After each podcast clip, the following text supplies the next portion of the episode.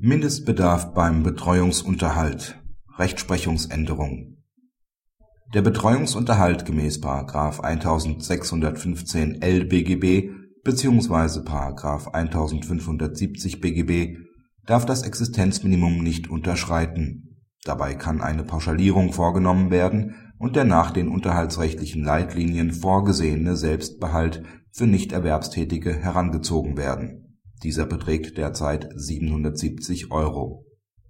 Die Beteiligten lebten von September 1995 bis März 2006 in nichtehelicher Lebensgemeinschaft. Die Mutter brachte zunächst im November 1995 das Kind eines anderen Mannes zur Welt, im August 2000 wurde das gemeinsame Kind geboren. Die Mutter ist studierte Archäologin und leidet seit 1987 unter Multipler Sklerose vor Beginn der nichtehelichen Lebensgemeinschaft hat sie kein dauerhaftes Einkommen erzielt, ebenso war sie vor der Geburt des gemeinsamen Kindes nicht erwerbstätig.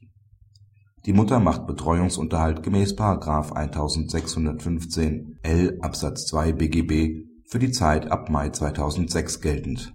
Das OLG hat ihr Unterhalt für die Zeit bis einschließlich Januar 2007 zugesprochen. Danach lehnt es unter Anrechnung fiktiver Einkünfte aus einer Halbtagstätigkeit einen Unterhaltsanspruch ab. Mit der Revision verfolgt die Mutter einen höheren und dauerhaften Unterhalt über Januar 2007 hinaus. Die Revision hat keinen Erfolg. Das Maß des Betreuungsunterhalts gemäß § 1615 L Absatz 2 BGB richtet sich nach der nachhaltig gesicherten Rechtsposition des Unterhaltsberechtigten und damit nach der Lebensstellung der Mutter auf die Einkünfte des Vaters und die gemeinsamen Lebensverhältnisse kommt es hier, anders als beim Betreuungsunterhalt gemäß § 1570 BGB geschiedener Eheleute, nicht an.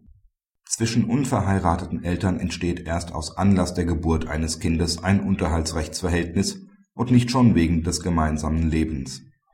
War der betreuende Elternteil vor der Geburt berufstätig, bestimmt sich der Unterhaltsbedarf nach dem erzielten Einkommen Einkünfte, die bei Aufnahme der Lebensgemeinschaft erzielt wurden, dann jedoch ohne einen Zusammenhang mit der Geburt wegfallen, sind nicht relevant. Gehen aus einer solchen Beziehung mehrere Kinder hervor, kommt es grundsätzlich auf die Verhältnisse vor Geburt des ersten Kindes an. Nur wenn zwischenzeitlich ein höheres und nachhaltig gesichertes Einkommen erzielt wird, ist dieses für den Unterhaltsanspruch nach der Geburt des weiteren Kindes maßgebend.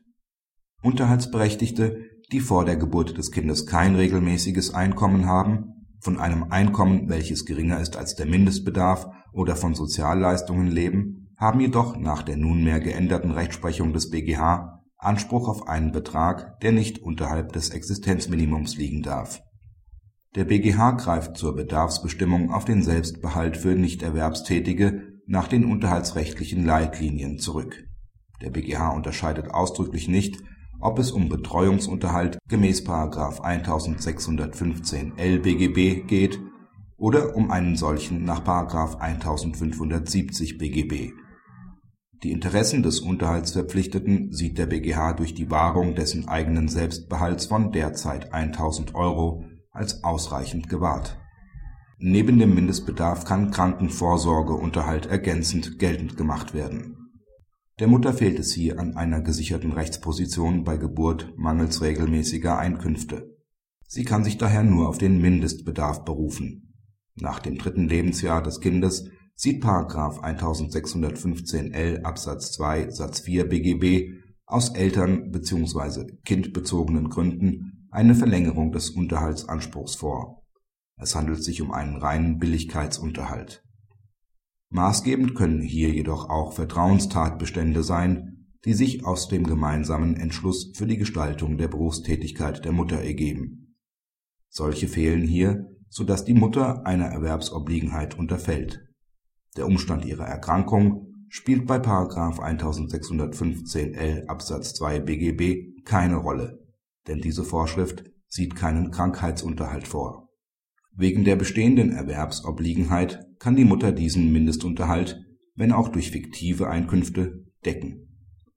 Der BGH merkt an, dass die Zurechnung eines Einkommens aus einer Halbtagstätigkeit, wie vom OLG geschehen, hinter seinen eigenen Anforderungen an die Erwerbsobliegenheit zurückbleibt. Da der Vater jedoch keine Revision eingelegt hat, kann das Urteil des OLG nicht zu Ungunsten der Mutter geändert werden. Praxishinweis Verfügt der betreuende Elternteil über keine oder geringere Einkünfte als 770 Euro monatlich, so kann, wie schon bisher beim Mindestunterhalt für Kinder gemäß § 1612a BGB, der Mindestunterhalt ohne Darlegung zu den wirtschaftlichen Verhältnissen des Verpflichteten eingeklagt werden. Die Darlegungs - und Beweislast für eine fehlende Leistungsfähigkeit liegt beim Verpflichteten